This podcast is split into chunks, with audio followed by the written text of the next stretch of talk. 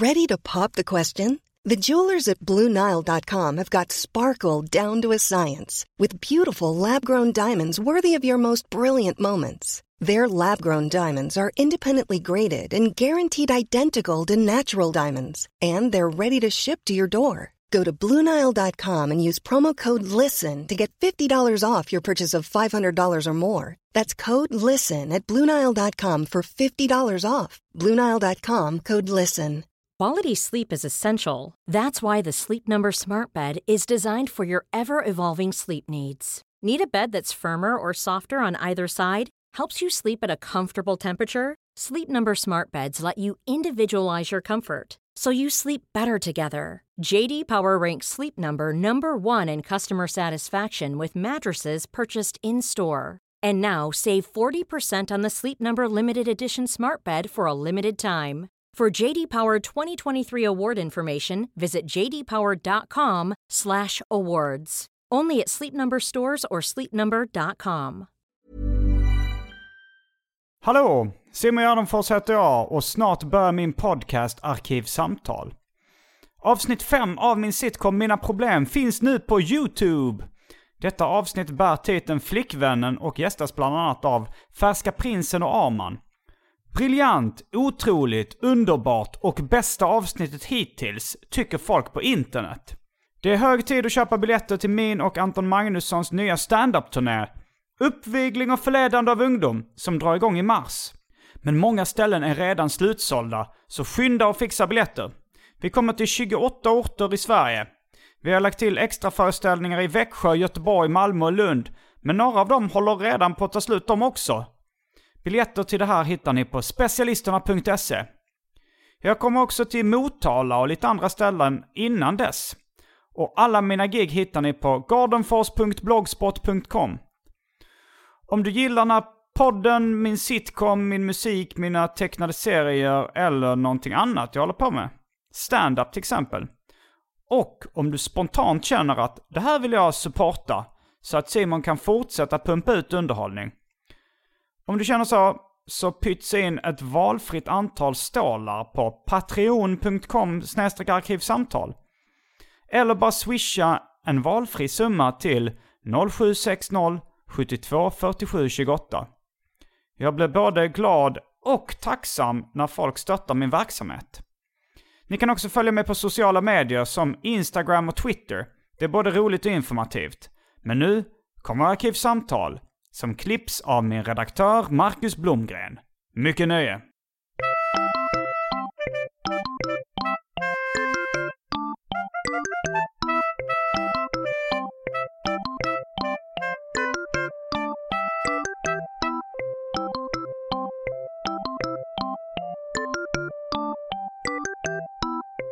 Hej och välkomna till Arkivsamtal. Jag heter Simon Gärdenfors och mitt emot mig sitter Johannes Agro Torstensson. Välkommen hit! Tackar, tackar.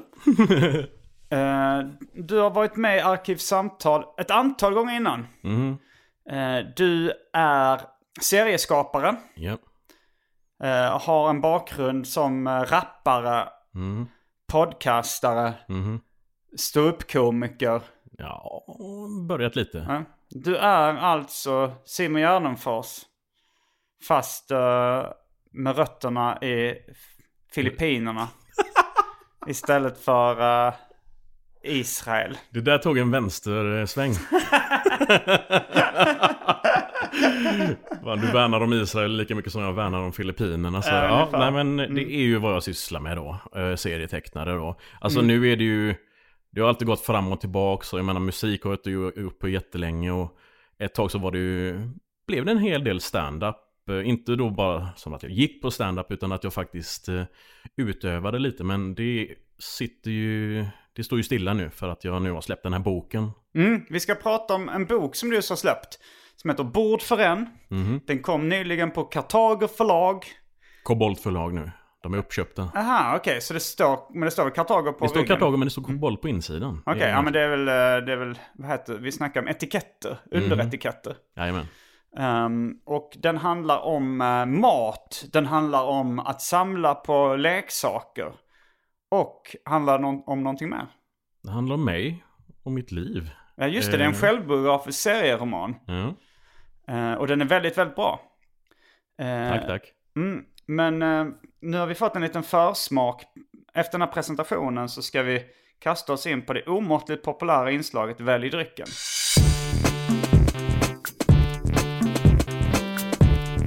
Jag tror vi börjar med det fasta inslaget Välj drycken! Och det kommer här. Eh, Malibu. Fanta Zero. Och sen eh, är det ganska urplockat. Det finns lite hostmedicin av mär- märket Recipect. Det finns, eh, ja, det, ja, det mesta har gått ut från datum. Fantasero. Och så finns det mm, häxblandningen. Det vill säga alla drycker som fanns i min kyl innan den genomgick en så kallad corporate rebranding. Och för trå- tråkmånsar och nej-sägare så har vi vatten. Nice save. eh, var det några alkoholhaltiga drycker i Ja, Malibu, häxblandningen? ja, i- i, häxblandning, ja det var en del alkohol där. Ah, damn. Okej. Så jag kan inte ta den för att du är eh, nykter. Nykter alkoholist. Är du, eh, har du någonsin varit alkoholist? Jag skulle säga att jag har haft alkoholproblem, men jag har ändå varit fungerande alkoholist. Ja. Men, Eh. eh, vi ska inte djupdyka i det där, för att det där kanske blir en bok i framtiden. Vi får se. Eh, om dina alkoholproblem. Mm, Om dina problem. mina problem. Ja, vi var igår eh, så hade, mm, Oh, segway, snyggt. ja, så hade vi, eh, l- vi hade releasefest för eh, min sitcom Mina Problem. Och vi efterfestade rätt mycket, så jag är rätt bakis. Det går i vågor. Nu mår jag rätt bra, men det har gått lite upp och ner. Mm. Eh, men då är vi strax tillbaks med dryckerna. Eller vä- vänta, vad valde du? Fantasero. Fanta Zero. Jag väljer nog Fanta Zero och sen tar jag nog en side order av Malibu. Som lite balanssprit. Balanslikör kanske vi kan kalla det. Då är vi strax tillbaks med dryckerna. Kända från det omåttligt populära inslaget Välj drycken. Häng med!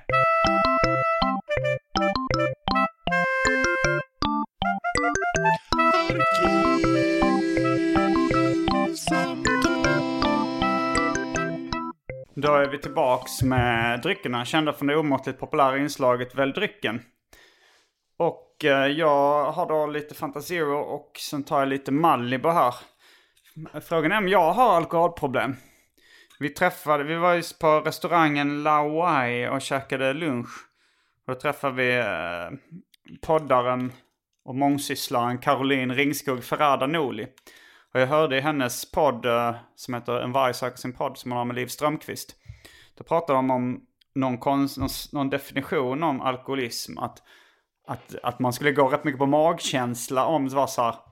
Är det osoft att hänga runt personen när han dricker, då är han alkoholist. Mm. Så då får du svara på frågan, är det osoft att hänga runt mig när jag dricker? Känner man en viss, är det ett obehag? Jag kan känna visst obehag ibland Mm. när du ställer jävligt dumma frågor och kör mycket internskämt. Men, Det gör jag väl som uh, nykter också. ja, men exakt, men det är, det är mer liksom vässat om man säger så. Mm, Men det är ju också, det är väl en av anledningarna till att jag också slutade dricka. Inte bara liksom hälsogrejen eller det ekonomiska eller åldrandet. Men, Åldrandet. ja, men efter 30 så börjar jag få dubbelsöndagar och så. Och Okej, liksom- dubbelbakfyllan. Ja, men att eh, jag bara insåg att jag är otroligt jobbig som full. Att jag är har också väldigt lätt till att slå folk på käften när jag dricker också. Det är en dålig sida. Mhm. Eh, men uh, grattis till nykterheten. Och använd eh, det här underlaget du har fått Ja. för eh, din Vad fantasi. fint. Oj, Mm. oj, oj. Då dunsar det mindre. Eh, ja, men den här boken du just har släppt. Mm. När var det du, du påbörjade den? Det var väl strax efter, eh, nu ska vi se, 2018. Då hade jag en hel period där när jag eh, jobbade ett halvår på ett äldreboende och bara mådde piss. Mm. Så att jag liksom blev, stort- jag blev i stort sett sjukskriven. Eller sjukskrev mig själv och så. Och bara liksom tänkte, nej men nu tar jag en paus från den här skiten och bara åkte upp till Stockholms internationella seriefestival. Eh, där jag hängde med Mikael Hammarberg och då träffade jag Thomas Olsson.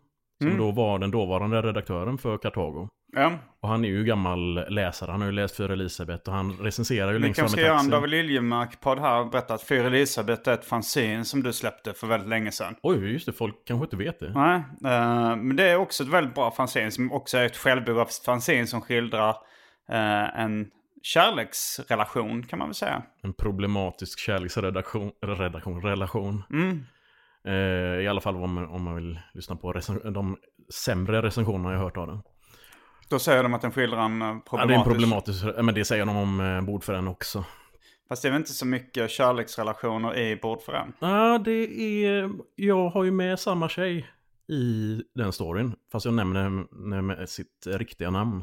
Mm, mm. Eh, Och det är just också att om man ser på, alltså den, just bord för en handlar ju om att det är ju, jag har ju tagit de 30 första åren i mitt liv och liksom kondenserat det och liksom förklara liksom min relation till mat men också liksom hur jag har eh, tagit, eh, eller hur hur jag bearbetat smärta genom tröstätande, ensam Mm. bio och självätande och så. Hur man skulle kanske kunna säga att eh, ensamhet är ett tema i den. Alltså det, den handlar rätt mycket om ensamhet. Mm.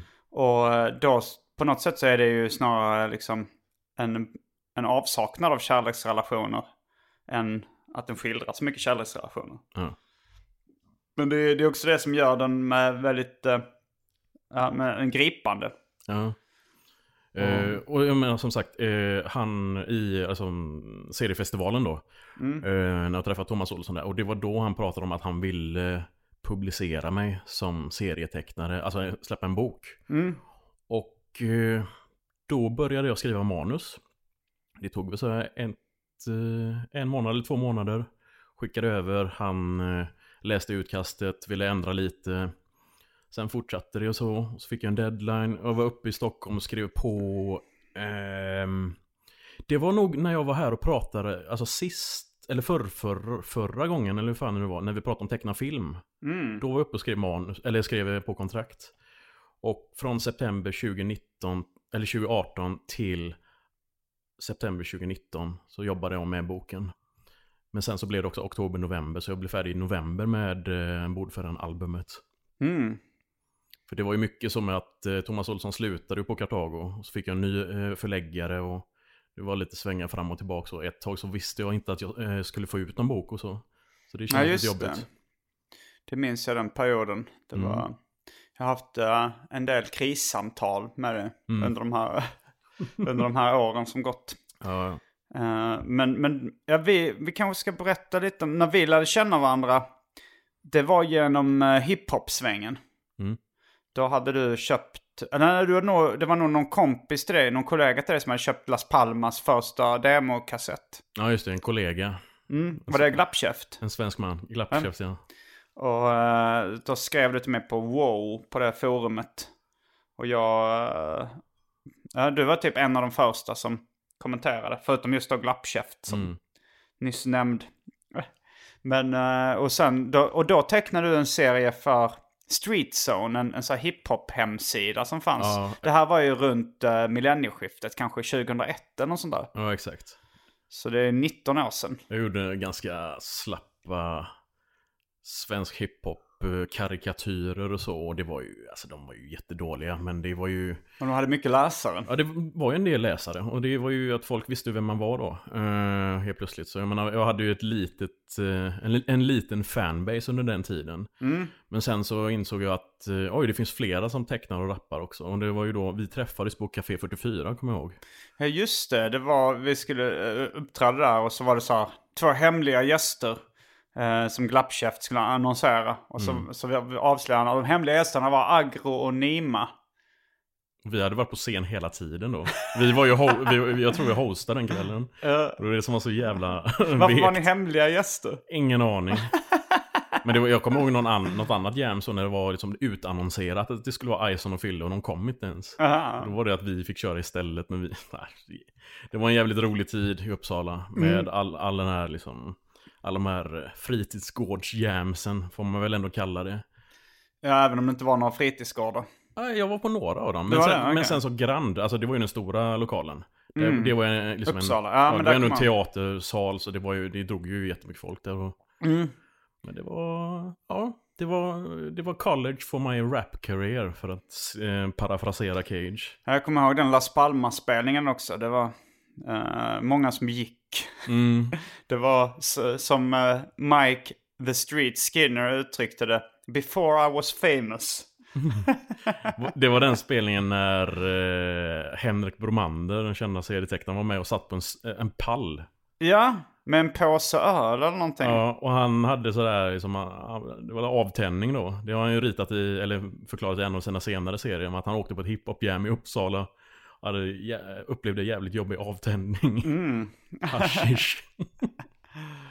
Mm, men, men när du började teckna serier, vad, vad hade du läst för serier innan då? Det var ju bara svenneskiten, kort sagt. Och vad är svenneskiten? Jag har ju redan, eller jag har ju pratat i något annat avsnitt om att jag lärde mig läsa genom att eh, läsa Läderlappen och Ninja Turtles och så. Sen så var det ju Bamse, Kalle Anka och Company. Okej. Eh, hela den eh, faderullan som fanns på spinnerracksen i kioskerna. Förr i tiden fanns det något som hette kiosk och spinnerracks. Men fan, alltså jag är inte så van vid spinner racks. Alltså sådana här snurrande som står... Det är helt Alltså, dött nu. Det, Det är dött, men det fanns väl ofta sådana bara hyll, alltså på de... Ja, Jag, jag minns inte det från Sverige, alltså spinner racks så mycket. Alltså, ja, jag, jag minns det från flera olika ställen. Aha, okej. Det var liksom så här eh, 91 Helge och... Ja, men liksom alltså de serietidningarna minns jag från ställen, men jag minns Ja. inte att de var på snurrande Jo, eh, snurrande. ställningar liksom. Det fanns överallt. Aha, det kan, kan vara att jag som bara eh, inte kommer ihåg dem. Ja, vad skumt. Och du är ändå äldre, så jag menar Mm. det är ändå... För i USA lär det väl varit vanligt, men Ja, ja. jag minns faktiskt inte om det var vanligt i Sverige. Men det var det kanske. Alltså på, på vår ICA och sånt där i Hjärup, på ICA Blombergs, där jag köpte många tidiga Mm. serietidningar. Och i kiosken. Eh, där hade de inte spinner racks. Eh, men det kan vara så att det fanns i andra affärer. Du är uppvuxen i Landvetter. Jag är uppvuxen i Landvetter och där fanns det ju som i de kioskerna Mm. och på Konsum och Ica. Och sen så är det ju butikerna runt i Göteborg. Så jag menar, Hur många bor i Landvetter? när jag flyttade därifrån för eh, ja, 2007 eller vad fan det var, det var 5000 och nu är det alla 7-8. Jag, jag har ingen aning faktiskt. Aha, det är, bara, det är så få? Ja. Alltså det är inte mycket större än Hjärup egentligen? Nej. Det är bara känt på grund av flygplatsen? Som inte ens ligger i Landvetter. Aha, det är som... Det är, det, alltså, mm, den, den ligger i Härryda och det är Härryda kommun. Men de kan inte kalla det för eh, som internationellt. Så den dåvarande största flyg, eller den dåvarande största eh, staden i kommunen var Landvetter. Så de tog det Mm. namnet. Ah, För jag menar Mölnlycke, Hindås, eh, det funkar inte. Så de bara, ja men och sen så Landvetter. land, att man landar där. Mm. Det kanske är någon ordlek. Det kanske du är först med att säga någonsin. nej, nej, men eh, jag tänkte att det var kanske därför de valde det från början. Mm. kanske det. Land. Landvetter. Fast eh, säger man att pl- plan, eh, ja, landing, ja det gör man ju. Så att, ja, det är mycket möjligt. Det men men eh, vad var det för typ av eh, ort? Alltså jag föreställer mig att det är någon sån här fucking Åmål-aktig håla. Mm, ja, absolut. Det är ju... Alltså, det börjar ju med att, alltså jag växte ju upp, eh, eller växte upp och växte upp, men första åren så bodde vi ju ute i Berylgatan, Tynnered. Och farsan jobbade på flygplatsen, och mamma jobbade också på flygplatsen. Mm. Men sen så flyttade de ju för att det skulle, de skulle vara närmare då. Farsan var ju lastare på planen, morsan jobbade i cateringen. Mm. Och då blev det ju bättre att vi då flyttade till den lilla sovorten där. Och det var ju jättekul som med dagis och allt. Sen så började folk få attityd när man började i lågstadiet. Mm. Och då var det ju att alla skulle prata om som folks hudfärg och hårfärg och så. Var det mycket, alltså ja, du är då halv, ja, din mamma är från Filippinerna. Ja. Men var det många andra barn som hade utländsk härkomst? Det har jag, jag gjorde ju en äldre serie om det också. Och det, det är roligt att, som sagt, jag har läst ju en intervju med Ison Glasgow från Ison och Fille.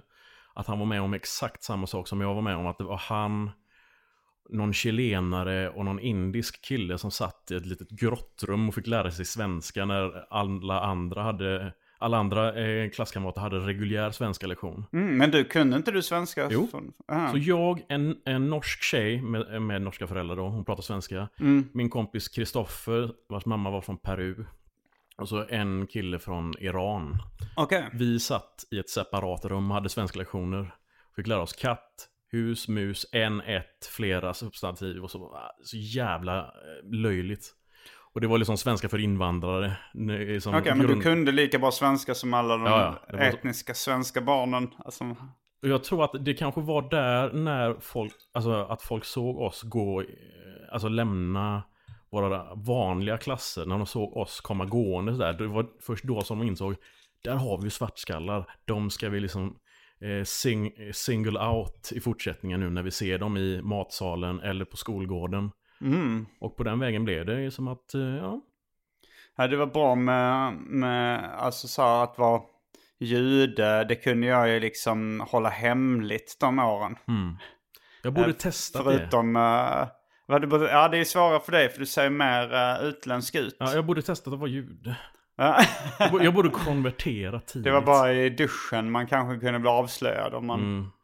Men då kunde man ju, då kunde man ju, om någon spanade in ens kuk så kunde man ju komma med homo, homofobiska attacker tillbaka. Det, det var ju en sån grej som hände just med... Eh, eh, det var ju en annan filippinsk kille i eh, högstadiet då. Han blev single out. För att han var omskuren.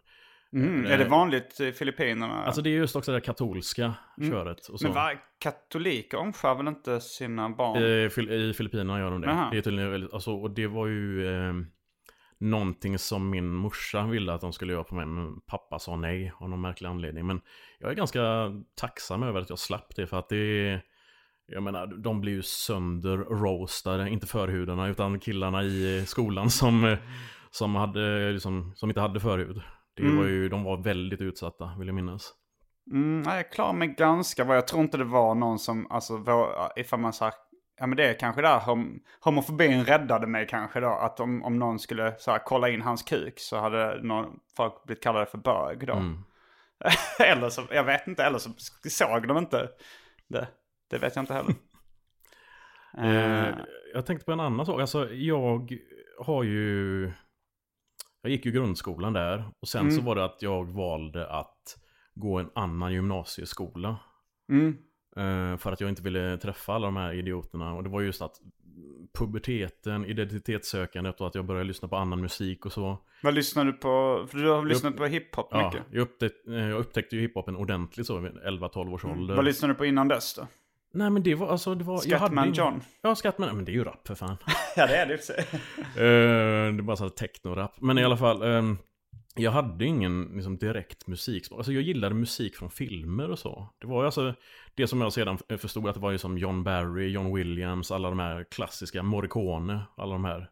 Eh, John Williams och Morricone tror jag har en vag uppfattning om. Eh, Alltså, Gode under en ful, eh, Star Wars, alla de här. Mm. John Barry, James Bond. Aha. Om, inte någon för den delen. Och vad heter, eh, jag har ju en, fav- eh, en favorit som jag, du gillar också som gjort mycket tecknad filmmusik. Uh, musik. Shuki Levi. Shuki Levi. Den utvalde mannen från Israel. Som bor, var bor han nu? USA? Pratar om dig själv i tredje person. jag är inte från Israel. inte. Eh, nej men jag tycker det, det, var, det är lite, alltså det är ju en annan sak vi har gemensamt det här, eh, ja men förutom då alla rappare, serietecknare och sånt där, det här, men som du nämnde i förbifarten att jag bryr mig ungefär lika mycket om Israel som du bryr dig om Filippinerna. Du har verkligen inte gjort det till en identitet. Du har aldrig varit tillbaks, eller Nej. ja, du, du har, väl, har du någonsin varit där? Jag har aldrig varit i Asien. Aldrig varit i Asien? Det är det enda... Det är den enda världsdelen som... Eller å andra sidan Australien jag har inte varit där heller. Ja, för du är född i Sverige. Ja. Mm. Eh, nej, men, eh, men ja, jag, jag, jag är också väldigt ointresserad av eh, liksom den judiska kulturen och sånt där. Nu i efterhand har jag kanske liksom blivit lite mer intresserad eftersom ja, men, det är många ståuppkomiker och Mm. serietecknare och filmskapare som är judar liksom. Ja, men då, då har ju det arvet också. Alltså när jag växte upp så var det ju inga filippinska hjältar och så. Alltså, det har jag ju förstått efterhand. Finns att, det nu då? Alltså när jag växte upp så var det ju som Rufio i filmen Hook. Om du kommer ihåg den. Han är den Ja. elaka killen. Eh, pizzabudet i Teenage Mutant Ninja Turtles 2, The Secret of the Ooze. Han heter Ernie Reyes och han är ju någon slags... Och eh, Reyes är din mammas efternamn. Ja, Delos Reyes. Delos Reyes. Och min brors eh, nuvarande efternamn. Mm. Han har bytt till bara Reyes. Han heter, Delos Tor- Reyes. Han heter Torstensson Delos Reyes heter han. Okej. ja. Eh, och det vet du bara för att han la det i en... Nej, det är ju jag som la det i en rapprad va? Ja, vi, när, jag tror det var när jag var ute på eh, Simons 120 dagar-projektet när jag reste runt i Sverige och, och tecknade serier om den resan. Så var jag hemma i din lägenhet. Var det samma lägenhet som du bor i nu? Ja. Då har du också bott väldigt länge i samma lägenhet. Jag, var, jag tror jag var nyinflyttad. Mm, fast i och för sig jag har bott här längre än vad... Du, har- du har bott i denna lägenheten i 20 år nu va? Ja, snart. Mm. 19 kanske. Och, nej men, och då så gjorde vi en rap. Som idag kanske skulle kallas för freestyle. Den var inte improviserad, men det var liksom lösa verser till eh, det idag lite lustigt klingande namnet Mr. Me Too. Fantastisk klippslåt. Ja, ja, ja, det är Pharrell Williams också på, som rappar på den också. Mm. Och Clips. Men då, eh, då kör vi varsin rad på liksom en förfest, eller är det en efterfest kanske? Jag tror det var förfest, för En vi, förfest. vi, åkte, ut, vi åkte till Järntorget sen och gick någonstans. Och den heter Sen kväll med Agro och Simon G tror jag. Ganska dålig bild och ljudkvalitet på den. Men eh, roliga. Jag, jag har sett det väldigt många gånger och jag brukar citera dina raprader från det. Och jag uppskattade verkligen som när du körde det på AMK morgons uppesittarkväll. Ja, ja. Fy fan. Ja du eh, du har, verkar ha ett ganska blandat, eh, blandade känslor inför dina raprader. Ja, Du, nej, du det, drar ju upp vissa som jag, alltså vissa raprader jag som jag får mig att rodna och rygga tillbaks med gråten i halsen. Det är men konstigt för du, du ger inte det intrycket. att jag har skam i kroppen. Nej, alltså, men det är ju också att, jag menar, då har du ändå haft en hel del hits och så, men Mm. jag menar om jag gräver fram någonting i stil med liksom, någonting från första Las Palmas, typ sådär, You Are Special eller något sånt där. Ja. Då du på Special är då en uh, låt med Boys R Us som var, eh, det var jag, Kalle Törn och Finn. Finn var det va? Finn Hallin var nog med. På, Ah, special. ja, men det var ju också vårt boyband och det var ju uppenbar satir skulle jag ändå kalla det. Wow, det är en nice save. Inbillar dig det? Ja, nej, men jag tycker det var ändå kul för jag menar, det är ju ingenting som antar att du skäms över så eftersom du inkluderar den ändå på den kassetten. Det är ju en kul grej liksom. Ja, ja, jo. Nej, men jag, jag har ganska lite skam i kroppen. Men det finns ändå där. Nu, eh, nu skäms jag mindre över saker än vad... Alltså det går i perioder också. Eh, jag tror det har med mitt allmänna mående att göra. Ju sämre jag mår, desto mer skam får jag. Ja. Alltså först har jag haft perioder när jag fått väldigt mycket skamsköljningar. Alltså så här när jag bara knipper ihop ögonen och minns något pinsamt man sagt eller gjort. Och så bara åh! Får man sån, liksom ett, ett så starkt anfall av skamkänsla. Ja, liksom. ja, men sånt känner jag ju som dagligen. Du gör det nästan. fortfarande? Ja, nej men alltså nu senast var det väl också, det var några veckor sedan när jag fick ett eh, meddelande som, nej jag ska inte behöva gå in på det, men då var det verkligen en sån här superhård skamkänsla som gav mig tunnelseende. Mm, Och det var verkligen liksom att jag hade inte varit med om det typ så innan. Eh, men det är ju så här några veckor senare så känner jag att nej, det gick att hantera. Det gick att hantera. Ja. Eh, Jag kan ju få sådana ibland så när jag liksom inser saker som jag sagt på fester och så. Och ofta så är det just också att det är fyllerelaterade saker. Ja det är det ju för mig också. Eller oftast att jag, jag skäms ibland när jag har så här skrytit för mycket. Säger man skrutit eller skrytit? Jag säger skrytigt. Jag, Skrytigt. jag gör det i alla fall. Eh, och, och då kan jag få så här, ah för fan där... Uh, alltså jag, jag, ibland kan jag ju skryta och, och ha en ganska kanske, en ton som inte är så irriterande. Men, eh, men det var ofta sånt jag skämdes över när jag sa, ah, fan det där, det var, det var pinsamt. Och, och tanken är eller tanken, men alltså det, är ju, det går ju också hand i hand med Jag menar som du är ju uppvuxen, eller om du ska, du är ju präglad av serietecknare som Joe Matt. Mm. Och jag har ju inte den Joe Matt-kopplingen riktigt. Jag är ju mer inne på liksom det självbiograf, eller på det sättet som Kevin Smith som vi alltid nämner. Mm. Han, eh, så självbiografisk som han har varit i sina poddar.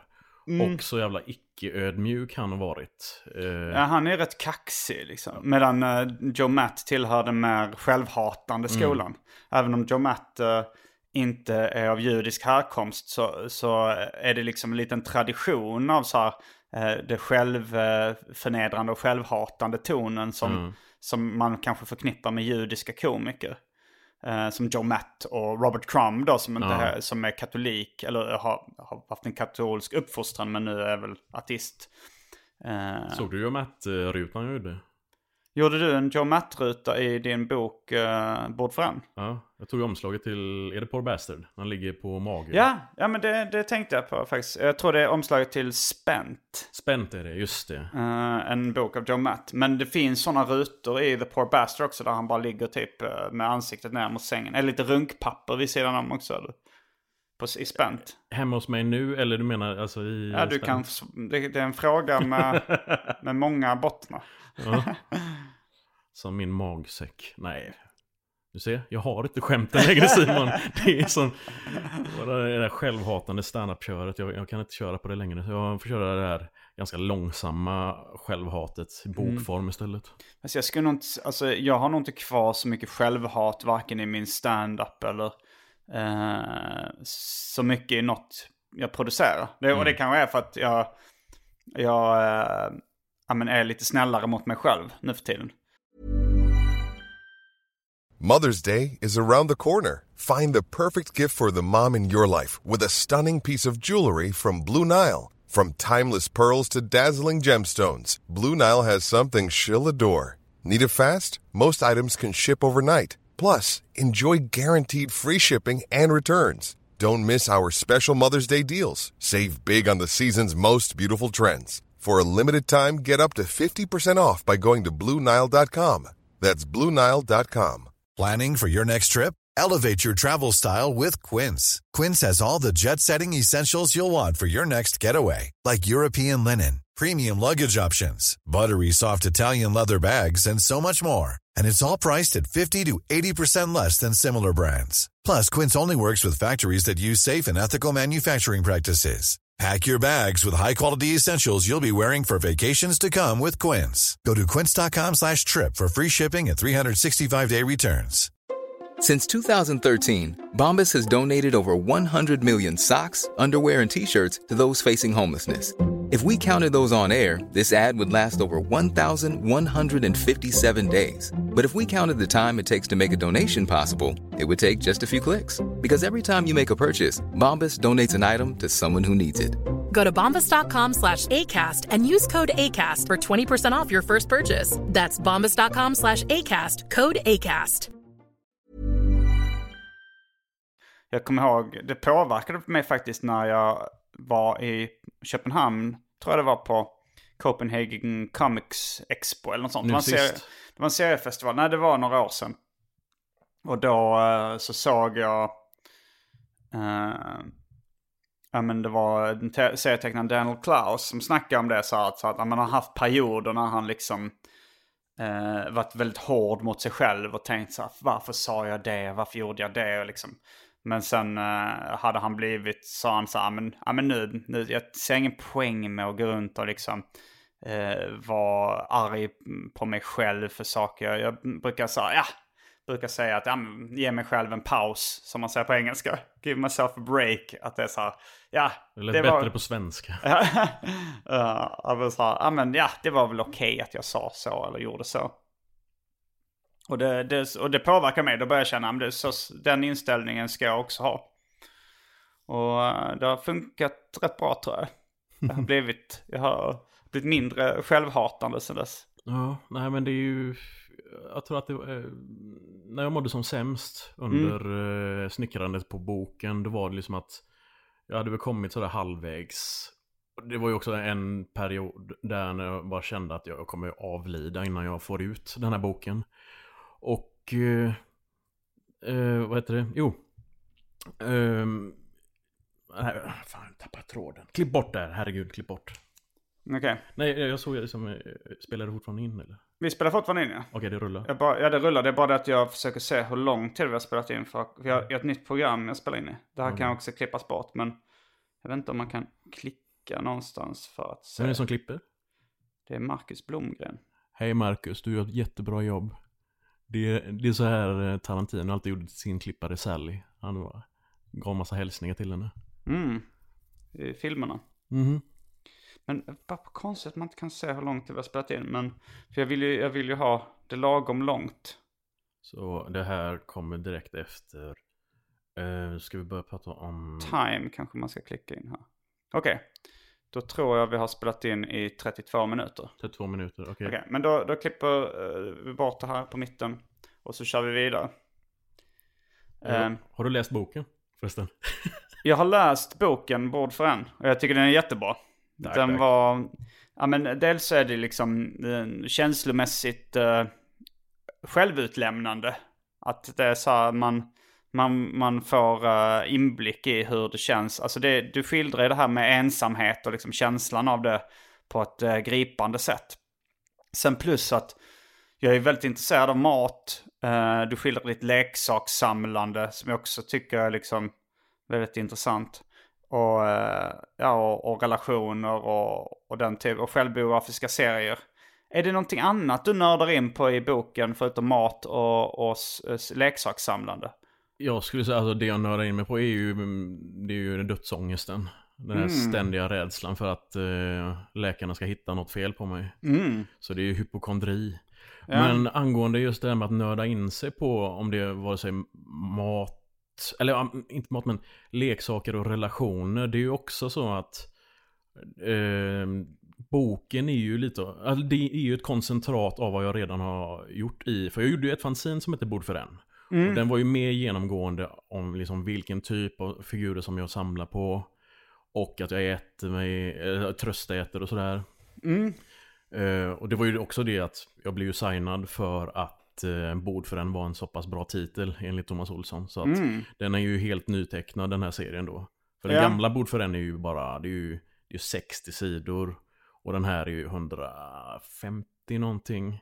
Mm. Uh, återanvänt några grejer också, men det är också Alltså har du återanvänt några teckningar eller har du återanvänt några scener? Eh, några scener, alltså jag har tagit några sådana scener. Om man läser Bord för en originalet Mm. så kan man jämföra och se sådär med att där är jag naiv. Originalet menar du fanzinet? Mm. Bord för en fanzine. Alltså det, det är en svit när jag går in i en leksaksbutik och ser jätteglad ut och letar efter Batman-figurer. Mm. Och sen när man kollar albumet så är det att jag går in till samma butik igen och ser bara liksom väldigt eh, modfälld ut. Mm. Jag är äldre och inte särskilt glad.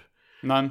Så, men det är också, alltså jag försöker ju också ge, det är mitt sätt att ge tillbaka till de gamla läsarna också så att de kan få några sådana bara yes han gjorde det och det, för det några läsare som sagt, det där var min favoritdel i, ja, eh, när jag var med, när jag hade med den serien i Robobobs fanzine. Det var de som Det publicerade är en första gången. serieteckning, ett, eh, två serietecknare. Eh, Rob, Robin och Robert. Robert. Och de gjorde en, eh, en, en egenutgiven serietidning kan man väl säga som heter Rob och Bob. Ja. Det var tre nummer och jag släppte tre sviter av Bord för en originalet där då. Mm. Och sen la jag den på nätet och sen tryckte jag den själv.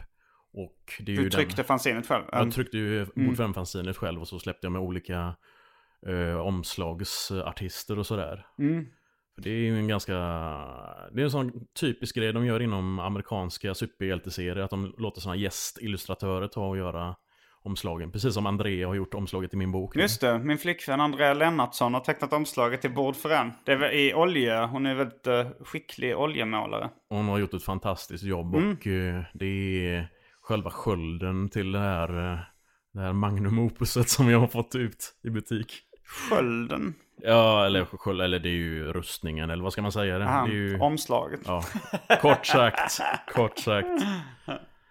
Eh, hon är med i boken. Ja, hon är med på en, en bild. Det är, det är väldigt många sådana också. Alltså någonting som var lite jobbigt så under skapandet, eller den kreativa processen och vilka karaktärer ska man ha med och så, eller vilka människor i ens liv ska man ha med. Mm. Eh, jag har ju kon, eh, kokat ner eh, sex personer som blivit tre personer. Mm. Så. Och eh, personen som är mitt samvete har jag ju liksom namngivit och givit, eller ja, jag har tagit ett namn från en väldigt nära vän då. Eh, och jag ska inte behöva namedroppa den personen i podcasten nu, men hon lyssnar ändå. Mm. Eh, men det är i alla fall... Eh, Men det är alltså, det, det tänkte jag inte på att det var ditt samvete. Nej, alltså det, är, det är ju mest alltså så länge som jag har levt i, eh, ja, under, som ung vuxen så har det alltid varit att jag har alltid behövt ha en kvinna i mitt liv, alltså en kompis som fungerar som ett slags eh, koppel för mina dåliga sidor. Och just nu så är det min goda vän, okej nu får jag säga namnet på henne, Elsa. Mm. Men det är också att eh, den karaktären symboliserar också flera kompisar. Alltså en kompis som jag då träffade när jag jobbade på leksaksbutik för ja, väldigt många år sedan. En kompis som jag lärde känna när jag läste upp mina betyg för kanske ja, 2000, ja, någonstans i mitten typ så. 2005, 2006. Eh, ja, och så lite flera kompisar däremellan. Ehm, och vi, vi diskuterade det här lite tidigare idag just med att köra redaktionskapet när man har sådär heightened reality i sin Mm, vi pratade om uh, det senaste avsnitt, avsnitt fem av Mina Problem som heter Just det. Flickvännen. Och så berättade jag lite f- för att nästan alla liksom, saker i det avsnittet har hänt mig i verkligheten. Men det har varit lite olika personer som har varit eh, eh, inblandade. Men jag har ju gjort som du berättade då, att jag har liksom slagit ihop några personer och gjort dem till en karaktär. Ja, exakt. Eh, för det är ju liksom att jag har ju känt, jag har ju fått sådana liksom FOMO som det heter, Fear of Missing Out eh, upplevelser. Så när jag hade ju en, ja, men en kompiskrets och alla åkte på uh, hiphop camp och liksom alla de här eh, olika En hiphop-festivalerna. hiphopfestival i Tjeckien, i Pardubice. Jag har faktiskt varit där en gång. Och jag menar, jag satt hemma och hade inga pengar liksom. Och Mm. eh, sen det enda som jag ser från mina barndomskompisar så på Facebook, det är ju liksom att och de har så kul med sina barn, de är ute och reser eh, med sina flickvänner och allt sådär. Och jag bara liksom ligger hemma. Och istället för att kasta någon typ av eh, shade, eller vad de nu säger, ungdomarna. Eller liksom eh, peka finger eller någonting så har jag tagit då eh, utseendena från mina kompisar i USA. För att, jag menar det är ju goda kompisar och de gick med på att bli avbildade då. Men att Och det är internetkompisar då. internetkompisar, och det är ju Mm. de som jag... Eh, Lärt känna via sociala medier och Ja liknande. exakt, det är ju alltså en hemsida, eller en podcast som jag skämttecknar för. Så jag tog de fyra programledarna och liksom satte Mm. Vad dem- heter den podden? Den heter Pop Culture Leftovers. Mm, mm. Och det är ju som, som sagt ett podcastnätverk. Jag tecknar för deras eh, Dungeons and Dragon podcast också. Men eh, så jag valde att ta de fyra och tanken är väl att jag ska bygga vidare antingen om jag gör det i fanzinform eller något sånt med att då ta mina rel- eh, respektive relationer med de här fyra personerna för att de, re- de representerar eller symboliserar då eh, jobbiga killen som jag alltid umgicks med under hiphop-perioden. Den här eh, livsglada kompisen jag hade under gymnasietiden som sedan gick och gifte sig och blev jättedeprimerad. Och liksom livsnjutaren som bara liksom inte har koll på någonting. Och att på något sätt att de symboliserar delar av mig som jag eh, också känner någon slags avsky för. Mm. Jo, jag tror, jag förstod nog lite vad du menar med det här eh, att du hade en tjejkompis som koppel för dina dåliga sidor. Mm. Men jag är inte helt säker på att lyssnarna förstod. Nej. Vill du utveckla det? Vad är det för dåliga sidor och hur kan någon funka som ett koppel för dem? Det kan de göra genom att läsa boken och köpa på Bokus.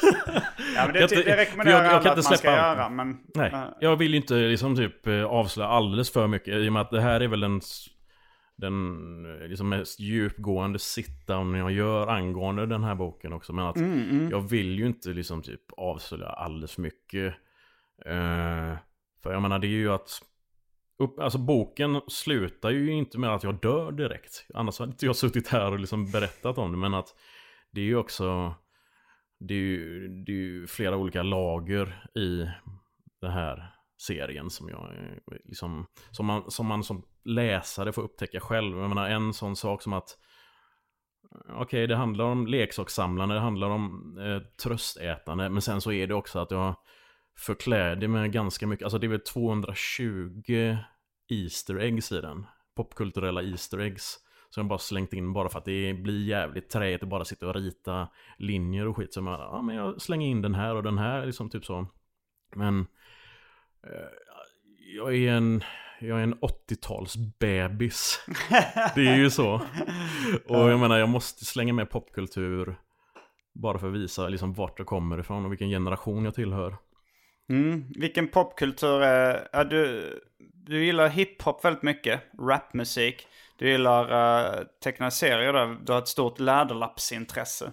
Jag skulle säga läderlappsintresset har avtagit. Hiphop-intresset det skulle vara då en rap från 1978 till 2010 ungefär. Jaha, du, eh, du satte en... eh, sen... Du gillar inte rap efter 2010? Jag gillar ny rap som låter som gammal rap. Okej. Jag Eh, kan ta din jävla blueface och allt vad fan du heter och trycka upp. Citera mig inte för jag sa inte skit. Easy eh, gammal rap. Gammal rap ja. Men, eh, och sen så Kevin Smith-intresset har också varit väldigt starkt. Alltså du har lyssnat på mycket av hans poddar och Ja. varit rätt intresserad av hans filmer och Såg du, film, såg du den nya filmen? Jag har inte sett den nya, vad heter den? Reboot? Så- Jay Silent Bob Reboot. Det är alltså Jay Silent Bob Strikes Back igen. Han har gjort om den. Det är jättekonstigt ju. Ja. Varför? Det, för, för att driva med reboots. Ja, men är det inte någon ny dialog? Jo, det är ny dialog och det är ju som nya cameos och allt. Mm, och mm. sånt där. Spoiler alert, Method Man och Redman är med. Mm. Spoiler alert, det är andra skådisar med också. Men eh, jag menar, han är ju inte så... Alltså han är ju roligare som person än som eh, musikskapare, eller filmskapare. Kevin Smith? Ja, det håller jag nog med om. Eh, Men på den tiden fanns inte poddar när Clerks och de kom. Men det är ju rätt mycket det snacket som de gör i poddarna som är roligt i hans filmer också. Mm.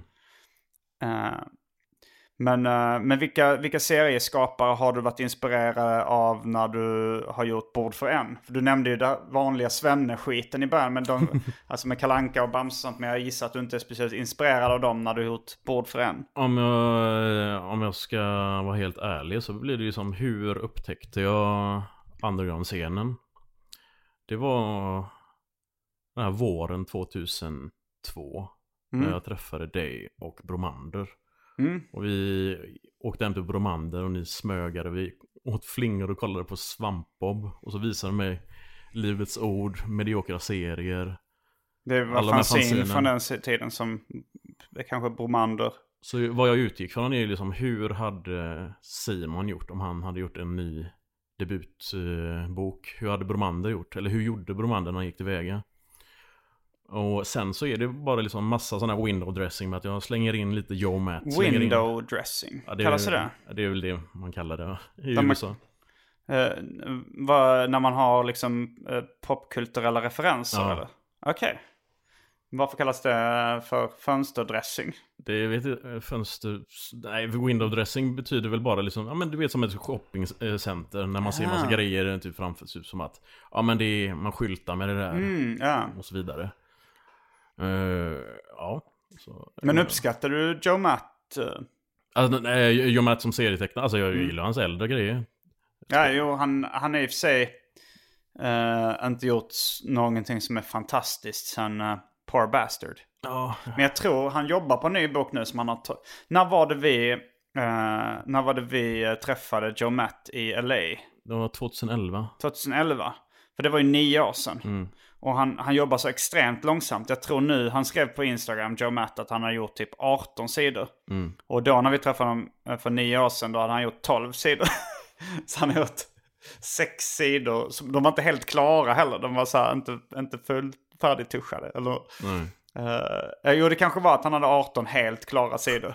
Men det är ändå sex sidor på nio år. Det är väldigt, väldigt lite. Det är väl lite så PSTQ-köret. Uh, rappare som har varit gäst i den här podden också. just som jag var nog den första svenska rapparen som jag blev riktigt imponerad av.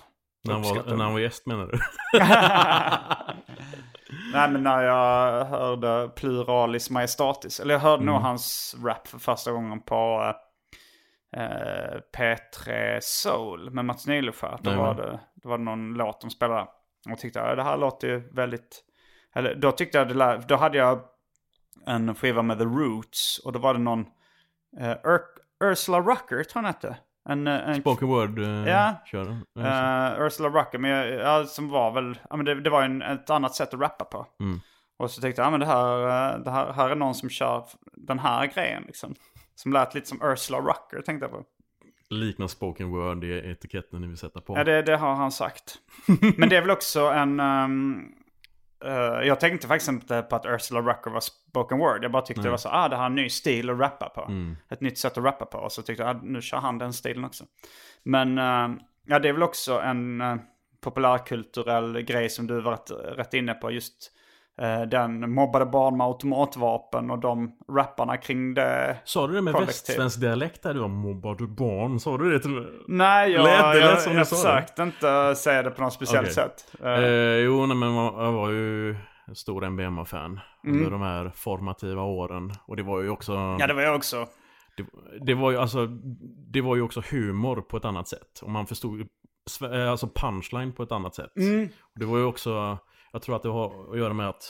Det är väl därför man också blev väldigt intresserad av liksom punchline-bygge och humor, alltså one-liner-köret och så. Mm, one-liners och rap-punchlines ligger väldigt nära varandra. Och både du och jag gillar ju one-liner-komiker. Eh, du har ju vi har haft alter egot Jojje Farofält. Som är en anspelning på ditt förnamn Johannes och Farofält som Rodney Dangerfield. den amerikanska one-liner-komikern.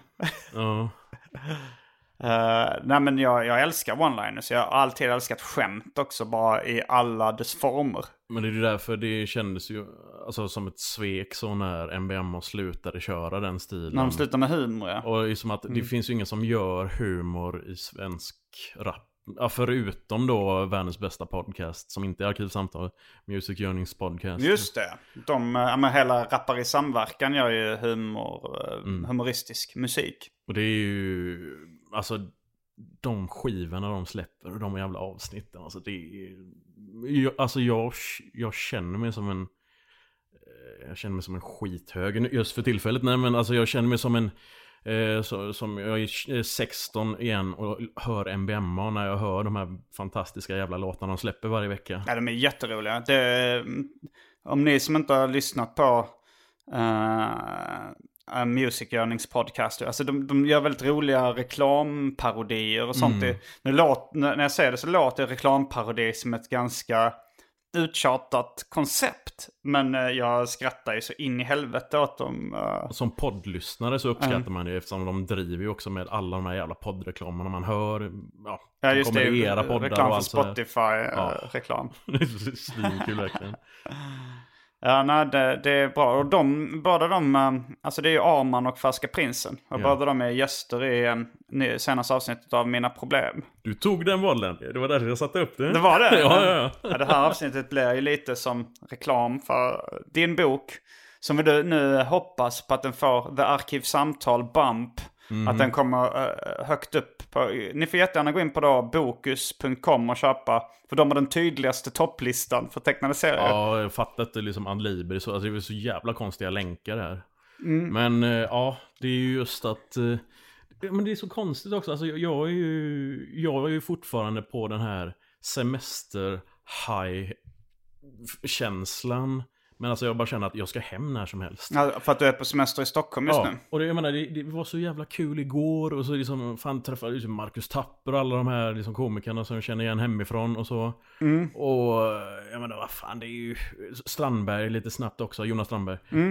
Men att eh, samtidigt så, eh, det här är en som promotion-turné för en bok som jag har gjort. Och Det, det, jag har inte haft en reguljär releasefest, det är ju då att... Ska du ha en releasefest för boken eller? Ja, Det blir väl sådär till hösten, men jag ska ha en utställning på Kitchen Cereal Bar i eh, vad är det, 28, eller slutet av, eh, det är ju lönefredagen då. I Göteborg blir det i, ja, den frukostfling... 28 sa du men inte månaden. 28 fe- februari. Okej. Mm. Om tre Näst veckor. sista februari. Näst sista februari ska jag ha det då. Men, eh, men det blir ju inte liksom typ en storskalig releasefest. Än så länge. Kanske Den- till hösten i så fall, under bokmässan. Men det är lätt att saker drunknar då. Eftersom det är så mycket som kommer samtidigt då. Ja, Du, du har varit på de flesta av mina releasefester för mina serieböcker. Jag minns när vi hade eh, releasefesten för min debutserie om en turist. Och då var det faktiskt Organism 12 från MBMA som vi just nämnde som eh, han uppträdde på den releasefesten.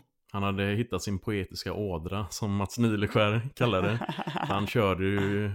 Diamanttårar. Ja, jag tror det var... Han körde inte många låtar. Nej. Och det var publiken, var inte, den eh, publiken som var där var inte jätteintresserad av att kolla på det. Han drog ju just den där, alltså en grej som han alltid gjorde på den tiden. Det var ju det här. ehm, han kör några punchlines innan han går ut. Och då är det för att värma upp publiken så de börjar jubla. Och så eh, körde han, han drog bla bla bla. Och du suger fortfarande kuk som Fredrik Strage. Och så blir det helt tyst i lokalen. Man kände, okej det kommer vara en sån här kväll nu. Men eh, var du på releasefesten för Död Kompis? Den var jag inte på. Nej, det, alltså grejen var att jag, eh, den var på typ, eh, ja men, vid Hornstull, jag tror det var Brooklyn Bar eller någonting hette det. Och eh, jag fick käka gratis där och beställde in någon slags fisk. En hel fisk. Va, vänta, var det då du blev magsjuk? Mm. Det var Ja. då jag, jag och Jocke Boberg DJade och ingen avlöste mig för att du gick hem och var sjuk och jag fick stå där i åtta timmar eller någonting och spela. ja, men jag, jag gick ut och spydde, men jag satt och signerade böcker. Mm. Och så gick jag ut och, och spydde för att jag liksom blev dålig i magen av den här fisken. Och sen tänkte jag, ah, men okej, nu har jag spytt upp den. Så jag gick liksom, satte mig och försökte signera igen. Men sen eh, så, ah, nej, jag behövde spy igen. Så jag gick ut och spydde och sen insåg jag att efter ett tag, nej, jag kan inte vara kvar här. För jag kom, alltså det var verkligen så eh, jättemycket kräk eh, reflexer jag hade. Så jag liksom, och jag tänkte jag kan inte ta en taxi hem för då kommer jag spy i taxin. Eh, och det tar typ 40 minuter att gå hem eh, från Hornstull där det var. Mm. Och det tog ännu längre tid som jag var tvungen att stanna och spy vid lite olika parkbänkar och, eh, och sådär. Och det, och det var ju rätt störigt för det, jag, jag hann inte uppleva så mycket av min egen releasefest. Mats Jonsson beskrev det som att eh, det kändes som att vara på min begravning. För alla som kände mig var där, men inte jag. Ja, det var så, alltså, Johannes Nilsson, eh, som jag aldrig träffade, han gick fram till mig och sa Var är Simonsson? Och jag sa, jag vet inte. Så han var i Simonsson. Vad är Simonsson? Vad är Simonsson? Jag tänkte på det japanska. Ja, vad är Simonsson? Simon. Men, eh, ja, men det blir ju lite kongenialt då som den handlar om döden och, och eh, även skildrar en begravning. Ja, så det är Att, snyggt. eh, um, och jag kommer ihåg då att um, och sen så kom jag hem och var rätt knäckt över att jag missat min releasefest. Eh, och så somnade jag och då kände jag mig uh, lite, och sen vaknade jag typ mitt i natten klockan tre eller någonting. Och då gick jag upp och kollade min e-post och då fick jag reda på att jag hade fått ett, ett eh, stipendium till Japan. Så, ett Nice. ateljéstipendium i Tokyo. Så då, det var verkligen plåster på såren. Jag fan, missat jag Reese. måste söka stipendier och sånt där nu. Mm. Antar jag. Jag vet inte om det funkar om man bara släppte en bok, men... Jo, man kan göra det. Det är lättare att få stipendium när man har för, eh, släppt fler böcker. Men jag, jag sökte rätt mycket stipendier när jag hade släppt Turist och fick knappt något. Jag tror jag fick något efter ett tag. Jag kommer jag var lite knäckt över att jag inte fick det. Fan, jag blir glad om jag får en 500-lapp av någon. Mm. 500 dollars li- laying in the street. Är du fan nu? Jag kommer inte Var det en referens till någon raprad? Ja, det var det. Jag kommer inte ihåg raden. Vilken artist är det? Ja, det är Madvillen, just det. 500 something dollars laying there, there in the street. Hmm, let's get something to eat. Okej. Det var Alltså bra. 500 dollar är 5000 spänn. Så det, Åh, jävlar, det är ju alldeles för mycket. Så det är mycket. Men, ehm, men sen, ehm, ja men Död kompis så gjorde jag också att jag översatte den till engelska och textade den och det tog ett halvår. Mm. Och sen lyckades jag inte få den utgiven någonstans så det var rätt jobbigt. Men nu, åtta år senare, så verkar, uh, verkar det som att den är på gång och kommer ut i fem andra länder. Yes! Vilka, Inklusive vilka, vilka länder? Eh, Brasilien, Frankrike, Spanien, Italien och USA. Blir det fem? Brasilien, Borde Portugal Spanien, räknas också i och med att det är, det är Ja, portugisiska. Ja, fast eh, det, det är ett brasilianskt förlag. Aha, okej. Eh, så det är ju skitfett. Det, det har jag mm, pratat om i Syskonpodden Specialisterna Podcast. Men jag har gått runt, eh, gått runt faktiskt och varit väldigt glad över det. Och nu igår när eh, Mina Problem avsnitt 5, den fick väldigt bra mottagande. My, mycket skratt och många som sagt att det var det roligaste avsnittet hittills. Det blev också, också jävligt glad över faktiskt. Har, du, har du känt eh, efter ditt boksläpp ett uppsving i humöret? Ja, det är lite lätt skulle jag säga. Det känns, alltså det, först när jag får se den i butik, först då kommer jag liksom reagera. Mhm. Jag har inte sett den i butiken. Jag har sett att alltså, kompisar har skickat bilder och så. Jag, jag vill gärna stå i en bokbutik eller seriebutik och bara se den. Eh, Jag kommer inte fälla någon tår direkt, men, eh, eller tå, tår. jag kommer inte få lepra. Men eh, jag, jag, jag har ju förstått att den är ute och jag har ju sålt alla mina ex som jag fick eh, hemskickade till mig. Och eh, jag tror att det är väl först på den här jävla releasefesten då, när jag är omgiven av alla de här jävla frukostflingorna som jag kommer förstå att det, här, det, det blir ju min död kompis release på något sätt. Vadå? Att du kommer bli magsjuk? Ja, nej men att en bok om skräpmat och så är jag omgiven om skräpmat. Ja, ja. Okej. Wow, det var, det var skohorn om något. Mm. Eh, Men nej. Har du det- fått några recensioner ännu på boken? Ja, jag har fått någon recension, men det var inom, vad är det, bibliotekariernas egna. Ja. Det var ju en väldigt fin recension, men Ja, jag skulle vilja se lite annat så, men... Men det är bra för att jag tror den eh, interna eh, bibliotekstjänstrecensionen det gör ju att de fler bibliotek kommer köpa in den. Mm. Gissar på. Ja, alltså, jag... eh, Jag, hade ju, jag har ju fem exemplar av boken som redan är utlånade på Göteborgs stadsbibliotek. Mm. Och det är sex stycken som står i kö för den. Och det, jag visste inte att folk var så jävla, eh, alltså folk som läste den typen av böcker var så snabba på biblioteken liksom. Men det är ju ett gott tecken i alla fall. Det är ett gott tecken, absolut. Ja, verkligen. Eh, Det var någon matblogg som la upp eh, en bild på den också. Mm. Eh, Göteborgs, eh, vad vad heter det? Where to eat Gothenburg eller något sånt där. Mm. Ja, nu, nu slaktar jag namnet helt, nu beklagar det men det är det, det känns jävligt kul när det är sådana som jag, jag är bekant med som Mm. bara kommer och skriver sådana grejer. Jag hoppas att det kan kan bygga på ett intresse för senare släpp också. Och Mm. jag menar, jag ska väl försöka göra lite fanzines så bara för att slappna av nu ett tag. Men Mm. Innan du kastar dig in på nästa stora bokprojekt. eller? jag skriver redan på nya. Mm. Vi får se hur det blir men... eh, nej men det ska nog bli... Vill du avslöja vad den ska handla om nästa bok? Ja, nej, fan nej. Eller nästa, nästa grej blir nog Pelarhelgon med mig och Hamman. Vet eh, lyssnarna vem Hammaren och Mikael är? Hammarberg, eh, nu vet de det. Ja, jag vet om det. Men, Men, eh, men, jo, men alla, alla de ska veta, om, om de känner till Johannes Agro ska de veta vem Hamman Hammarberg är. ja. en skäggig eh, typ. En skäggig typ från Linköping som har eh, SPK förlag som släpper, eh, Och vad stod det för? Det glömmer jag alltid. det får du fråga honom för att det har jag glömt av. Okej, ja. Men han är ju liksom, han har ju den här indie-serielabeln och eh, en av de starkare indie-serielablarna Mm. som jag har ju, Väldigt eh, bra självbiografisk serietecknare också. ja. Det, det jävla Eller- ordet, den om hans, eh, vad är det, hans mors cancer. Hon är Mm. väldigt tung. Och så är det Process, den som jag gjorde omslag till. Och så är det ju, alltså han har så många. Mm, det är också en rekommendation. Hur får man tag på dem? Hitta honom på Instagram. Ja, han heter ju Gubbakvarten där. Snabela Gubbakvarten. eh, och eh, ja, som sagt, vi gjorde en, eh, ett splitfanzine för några år sedan. Eh, där han ritade halva, jag ritade halva och eh, Sigge Karlsson gjorde omslaget.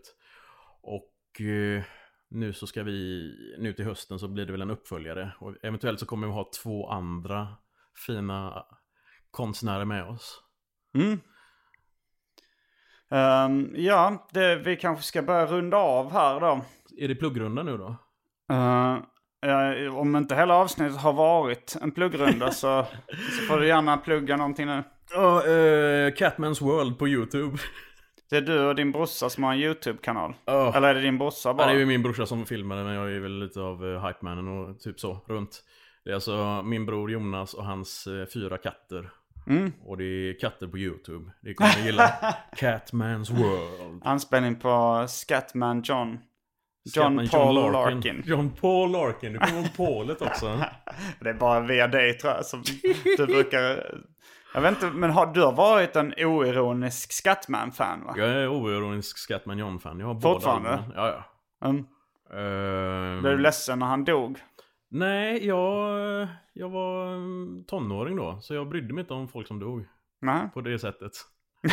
Men jag har känt, så, jag känt sådär, så i efterhand att fan jag borde ju, jag sörjer ju han ibland, alltså lite då och då. Hur, hur dog eh, John Paul Larkin? Han hade ju liksom eh, lång, eh, långgången lungcancer. Långgången, hur säger man? Ja. lungcancer i alla fall.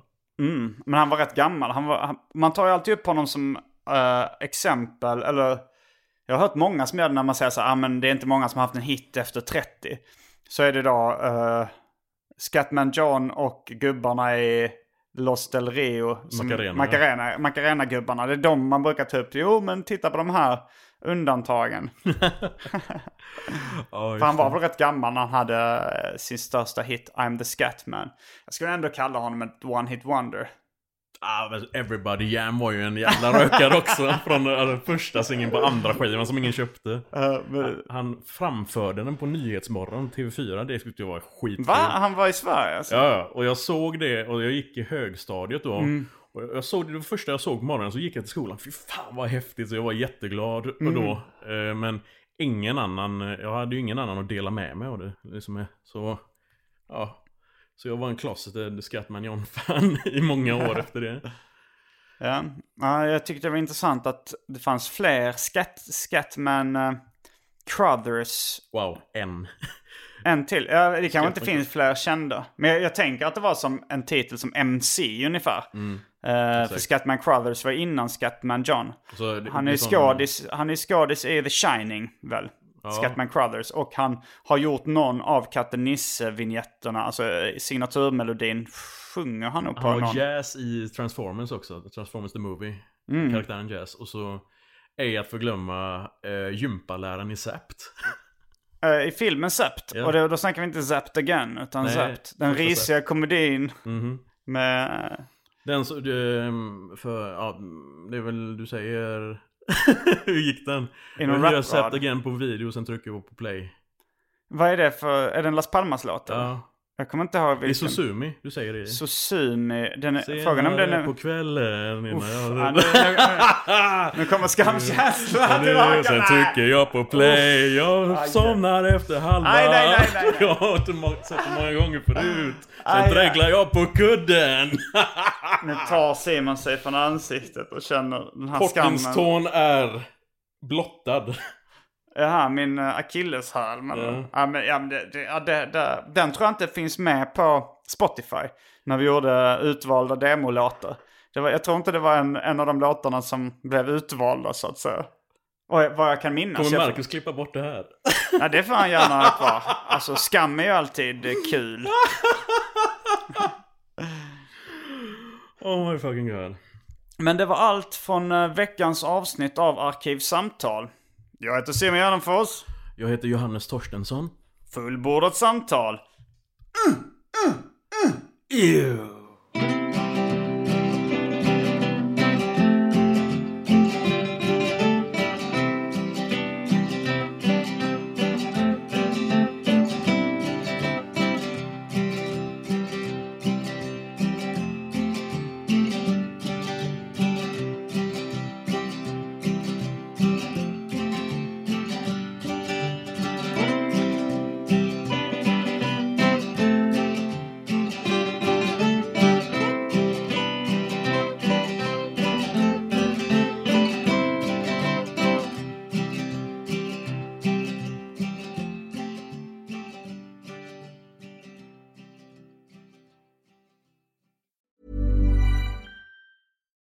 Here's a cool fact a crocodile can't stick out its tongue. Another cool fact you can get short term health insurance for a month or just under a year in some states. United Healthcare short term insurance plans are designed for people who are between jobs, coming off their parents' plan, or turning a side hustle into a full time gig.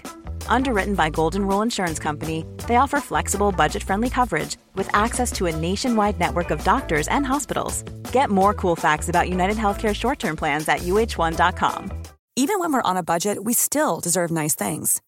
Quince is a place to scoop up stunning high-end goods for 50 to 80% less than similar brands. They have buttery soft cashmere sweaters starting at $50, luxurious Italian leather bags, and so much more. Plus, Quince only works with factories that use safe, ethical, and responsible manufacturing. Get the high-end goods you'll love without the high price tag with Quince. Go to quince.com slash style for free shipping and 365-day returns.